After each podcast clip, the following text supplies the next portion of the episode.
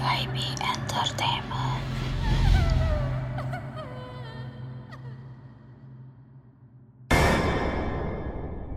Jadi Mas Adi ini mengirimkan cerita yang menceritakan mengenai kejadian horor yang baru-baru ini dialami. Kejadian horor dalam mimpi atau mungkin lebih simpelnya itu mimpi buruk. Jadi di sini Mas Adi bercerita bahwa terbangun dari tidurnya dan saat dia terbangun untuk pertama kali itu tuh dia mengingat full apa yang dimimpikan. Itu tuh katanya dia ngelihat eh, dari dalam rumahnya mengarah ke depan rumahnya yang mana katanya depan rumahnya ini tuh pesawahan. Itu tuh ngelihat sosok kun-kun itu berkeliaran dan katanya secara sadar dia ngelihat ada salah satu dari sosok ini yang ngadep ke arah dia.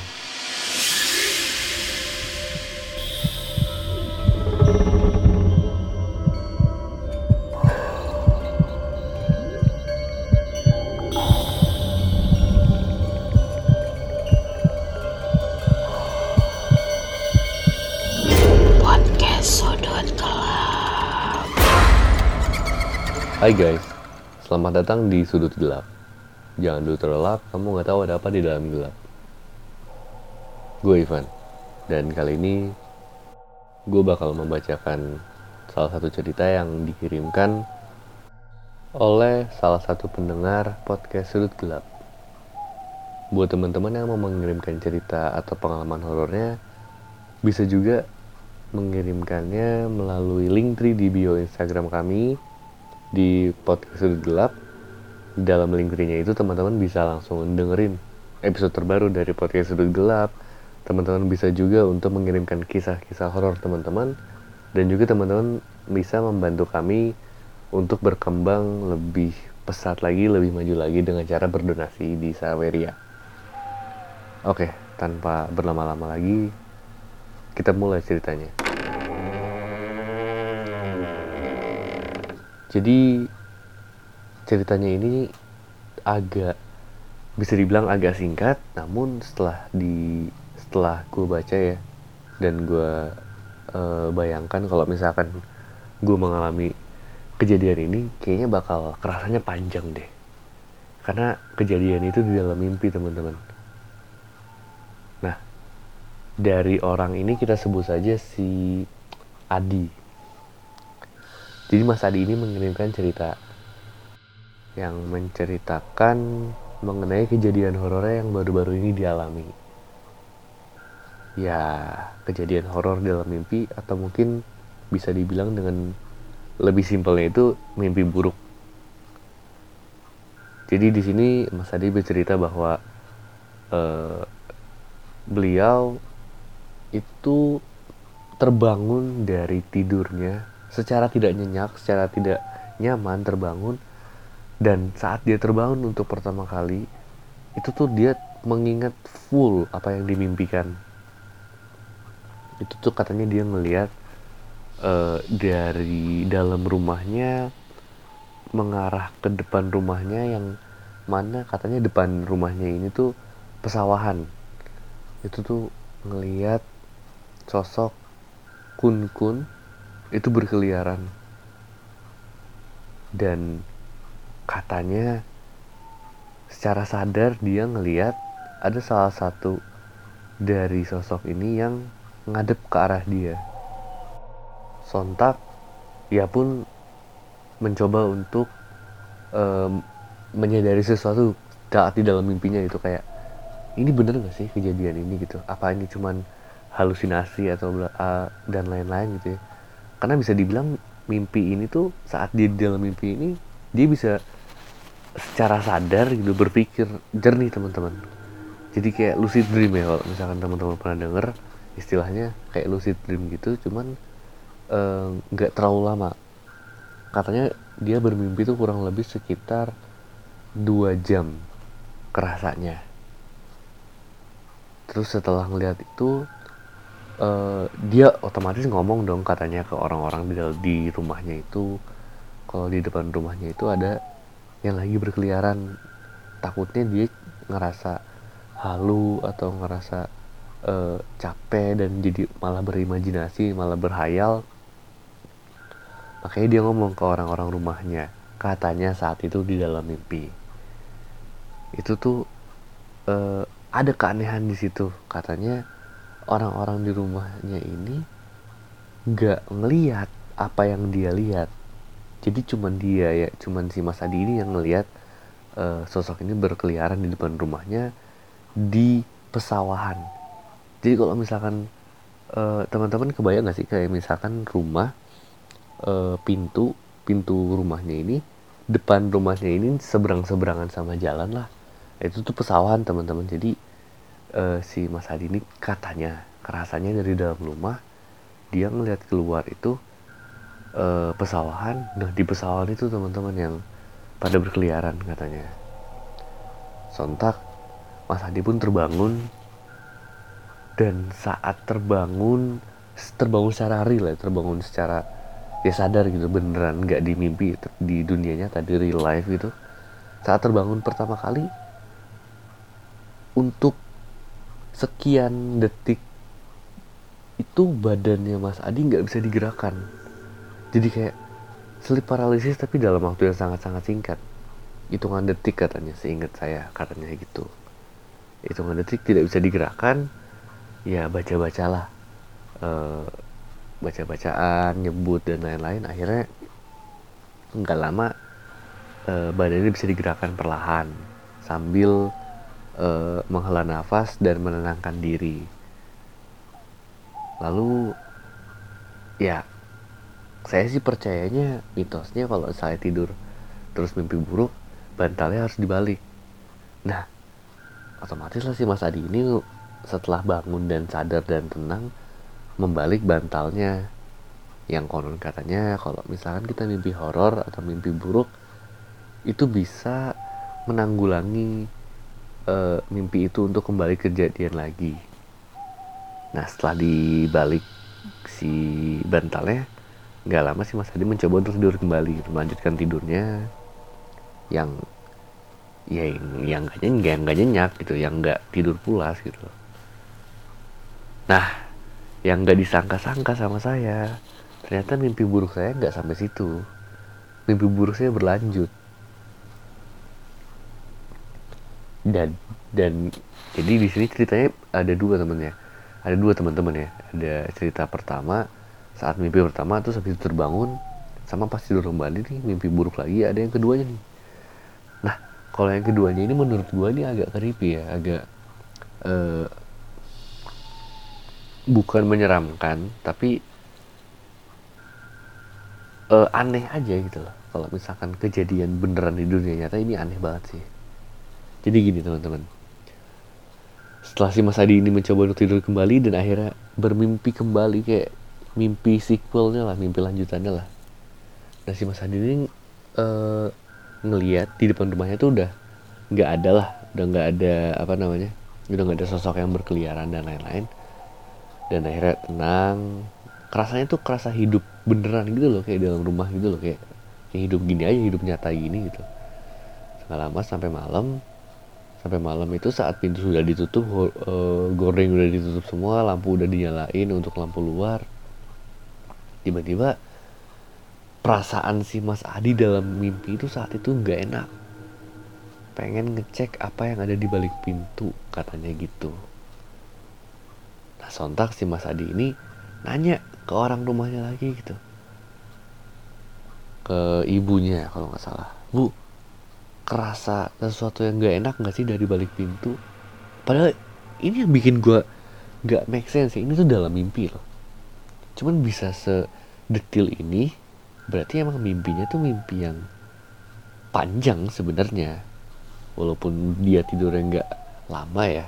Karena e, kalau misalkan teman-teman nggak tahu ya, kita tidur 10 menit dan ternyata dalam 10 menit ini kita mimpi mimpi yang kita rasakan itu bisa satu jam dua jam teman-teman. Tapi kenyataannya kita tidur cuma dua, cuma 10 menit itu. Itu sangat bisa terjadi. Nah udah ngomong gitu dan dia udah nanya ke orang rumahnya si ibunya ini bilang iya ibu juga ngerasain kayaknya di balik pintu itu kayak nggak enak gitu perasaannya. Gitu ya nggak langsung dibuka pintunya si Mas Adi ini ngintip ke bawah pintu takutnya ada kaki atau ada apa ya kan. Ternyata bener aja. Ada kaki kecil kaki anak kecil itu dalam jumlah yang sangat banyak. Dan akhirnya yang bagian creepy-nya ini saat si Mas Adi ini membuka pintunya untuk melihat ada apa sih? Tiba-tiba Mas Adi ngelihat ada rombongan ke anak kecil memakai celana pendek berwarna merah dan baju kayak jas tapi lusuh berwarna hitam dan semuanya serentak tersenyum sinis ke arah Mas Adi. Wah katanya kalau yang mimpi itu saya nggak sampai uh, apa saya nggak sampai pikir panjang saya nggak sampai menyadarkan diri itu saya langsung bangun melek dan nggak ngantuk lagi gitu. Nah se, se, ya semenjak saat itu saya berpesan kepada diri saya untuk selalu berdoa sebelum tidur. Ya bagus. Cuman uh, ya emang nggak boleh dilupakan sih untuk berdoa sebelum tidur karena kan kita, minta pertolongan juga dan lain-lain. Perintah perlindungan sorry. Nggak selesai sampai situ. Ada lagi keanehannya. Pagi-pagi menjelang siang saat uh, ya saat setelah mimpi itu ya.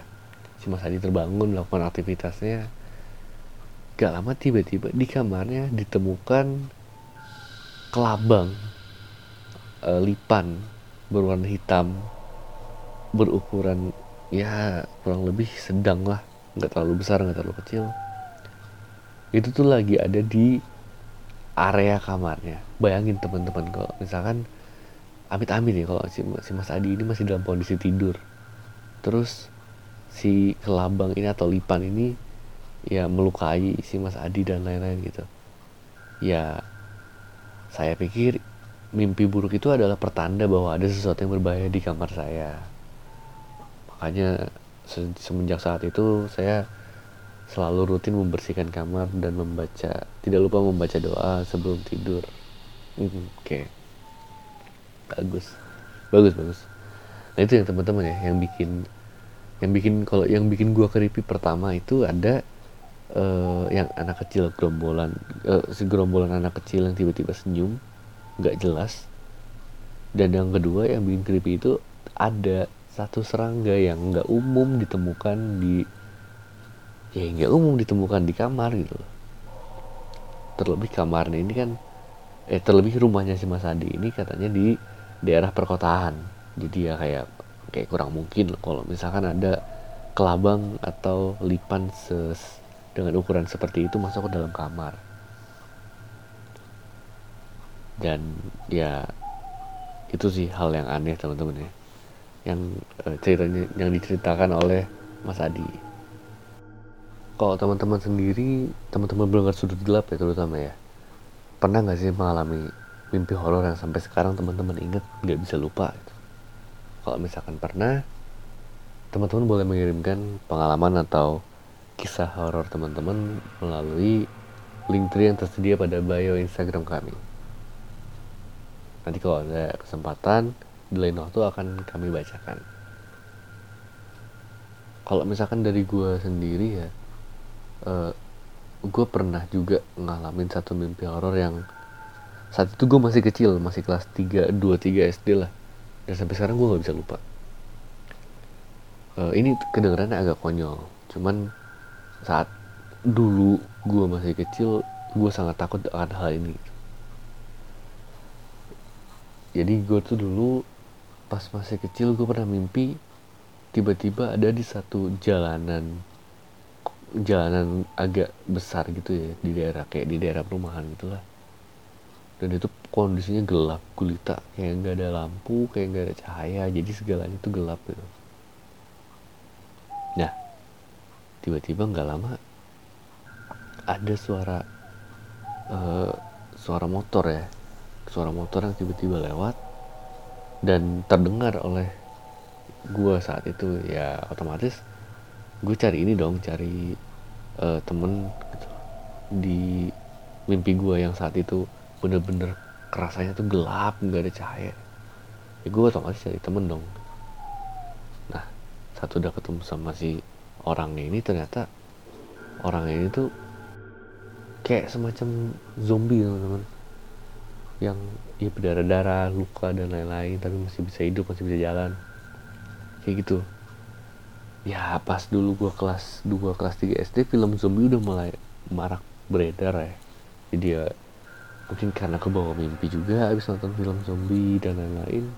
Ya mungkin karena emang lagi sial aja lagi kena uh, karma aja gitu. Tiba-tiba kejadian mimpi horor kayak gitu. Nah yang bikin gua nggak bisa lupa sampai sekarang itu bukan karena gua ngelihat yang uh, apa namanya mengemudikan motor itu bukan kayak manusia. Enggak. Yang bikin gue takut itu ngejar.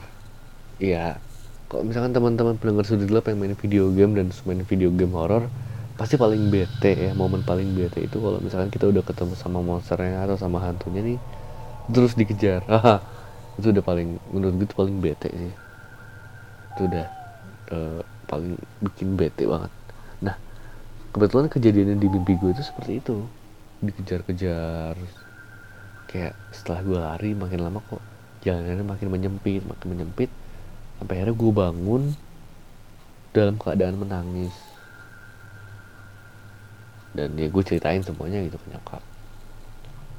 Ya ya mungkin kedengarannya nggak terlalu horor ya nggak terlalu menyeramkan. Cuman saat itu saat gue berusia kelas 2, kelas 3 SD saat itu itu sangat menyeramkan teman-teman terkesannya gitu. Karena ya ya nyeramin aja gitu.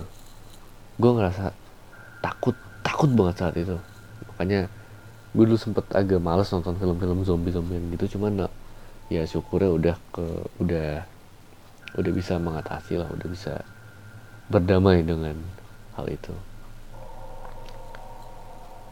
Nah buat teman-teman kalau misalkan uh, mimpi buruk nih punya nggak sih tips tersendiri buat uh, menanggulangi atau mengatasi masalahnya gitu? Karena uh, mimpi buruk ini sering kali berhubungan dengan sesuatu yang horor.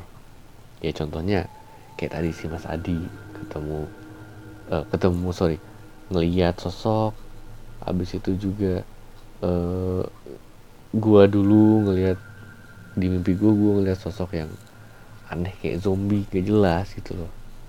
Nah kalau teman-teman sendiri punya nggak sih uh, metode untuk uh, bikin biar mimpi buruk itu nggak kembali lagi gitu. Atau setelah teman-teman punya mimpi buruk habis itu gimana caranya biar nggak terlalu kepikiran gitu. Nah teman-teman boleh banget nih share sama kita di email kita di sudut gelap atau bisa langsung ke email kita di sudut gelap ini kita kebetulan juga butuh ya pengetahuan atau knowledge dari teman-teman mengenai hal-hal seperti ini gitu ya masih nggak banyak orang tahu mungkin.